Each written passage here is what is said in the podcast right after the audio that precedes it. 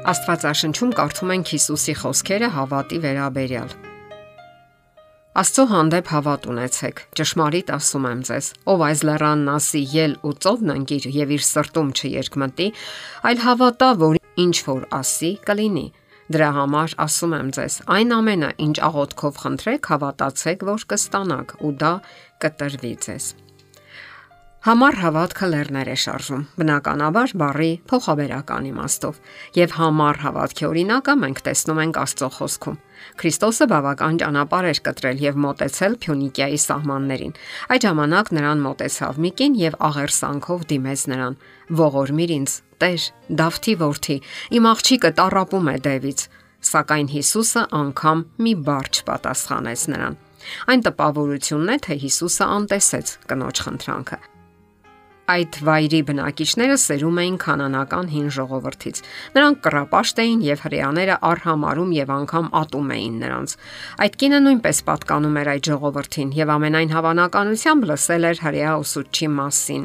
Լսել էր թե ինչպես է նա Աստծո արքայությունը քարոզում եւ հրաշք բժշկություններ կատարում։ Եվ ահա լսելով Հիսուսի Գալիստյան մասին, այդ կնոջ մայրական սիրտը լցվել էր հույսով, որ իր աղջիկը նույնպես կարող է ազատագրվել սարսափելի հիվանդությունից կողմից։ Մինչ այդ նա ամենայն հավանականությամբ դիմել էր իրենց կուրքերին կամ կեղծ աստվածներին եւ ոչ մի պատասխան չէր ստացել։ Քրիստոսն իհարկե գիտեր այդ կնոջ պատմությունը, եւ իմանալով այդ մասին, նա ինքը կարծես ընթառաջ գնաց եւ հայտնվեց հենց այդ տեղում։ Նա գիտեր, որ հրեական հպարտությունը թույլ չի տվել շփվել հեթանոսների հետ եւ կարեկցանք դրսեւորել։ Իր աշակերտները նույնպես համարյա չէին շփվում նրանց հետ եւ հարկավոր էր խորտակել նախապաշարմունքների այդ արգելքը։ Առաջին անգամ նա չպատասխանեց կնոջ խնդրանքին, ցույց տալով, թե որքան սխալ է, որ աշակերտներն ու հրեաները անտարբեր տարբեր են հեթանոսների հանդեպ, սակայն կինը չէր կորցնում հույսը։ Նա համառ հավատքի լավագույն օրինակ ցույց տվեց։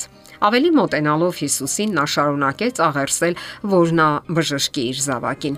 Աշակերտները տեսնելով այդ կնոջ համառությունը բարկացան ու Հիսուսին խնդրեցին, որ նրան հեռացնի։ Նրանք մտածում էին, որ իսկապես ճիշտ են անում, որ վատ են վերաբերվում կանանացիներին։ Սակայն չէ որ կինը դիմում էր աշխարի փրկչին, եւ Հիսուսը պատասխանեց. Ես ուղարկվել եմ միայն Իսրայելի տան կորած ոչխարների մոտ։ Կինը լսելով պատասխանը չնահանջեց։ Նա շարունակեց երկրպագել եւ աղերսել դստեր համար։ Տեր, օգնիր ինձ։ Հիսուսը պատասխանեց. Լավ չէ երեխաների հացն առնել ու շների առաջ նետել։ Իսկ նա ասաց. Այո, Տեր, սակայն շներն էլ իրենց տերերի սեղանից թափված փշրանքներով են կերակրվում։ Այդ ժամանակ Հիսուսը պատասխանեց նրան ու ասաց. Ով կին, մեծ է քո հավատը։ Թող քեզ քո ուզածի պես լինի։ Եվ նույն պահին նրա աղջիկը բժշկվեց։ Այս երկխոսությունը Աստվածային սիրո եւ մարդկային փորձառության համառության օրինակ է։ Երբեմն այն տպավորությունն է, որ Աստված չի պատասխանում մեր աղոթքներին ու խնդրանքներին։ Գուցե մեզ թվա, թե Աստված անգամ չի լսում մեր խնդրանքները, ել ուր մնաց պատասխանի։ Սակայն դա բոլորովին էլ այդպես չէ։ Աստվածաշնչյան մեր օրինակում կանանացի կինը քանի անգամ թվում է թե բացասական պատասխան է ստանում, սակայն այդտեղ փորձվում էր նրա հավատը։ Կնոջ համառությունը հիրավի ապշեցուցիչ է։ Նա պարզապես մարտի է բռնվում Աստծո հետ եւ ամեն անգամ աղերսանքով պարզաբանում իր հավատքի ու աղերսանքի տրամաբանությունը։ Նա համառում է եւ չի նահանջում։ Միթե դու օրհնություն չունես ինձ համար, Տեր, Ահա նրա աղերսի ողջ իմաստը։ Դու չես կարող օրհնություն չունենալ ինձ համար, ով ամենակարող Տեր, համառում է նա եւ շարունակում. Ես չեմ հեռանա քեզանից, ինչև օրհնություն չստանամ։ Եվ Քրիստոսը հրաշք է կատարում։ Նա բժշկում է այդ կնոջ աղջկան։ Նա հեռանում է հրաշալի փորձառություններով, ծանր, սակայն ստանալով պատասխանը։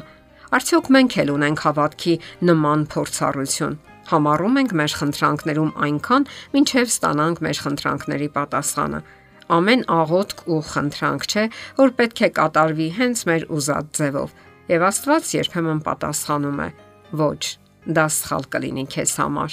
որովհետև նշանակում է մենք սխալ ուղությամբ ենք շարժվում եւ Աստված կանգնեցնում է մեզ։ Սակայն ոչը նույնպես պատասխան է եւ մենք չպետք է հիասթափվենք կամ հուսահատվենք։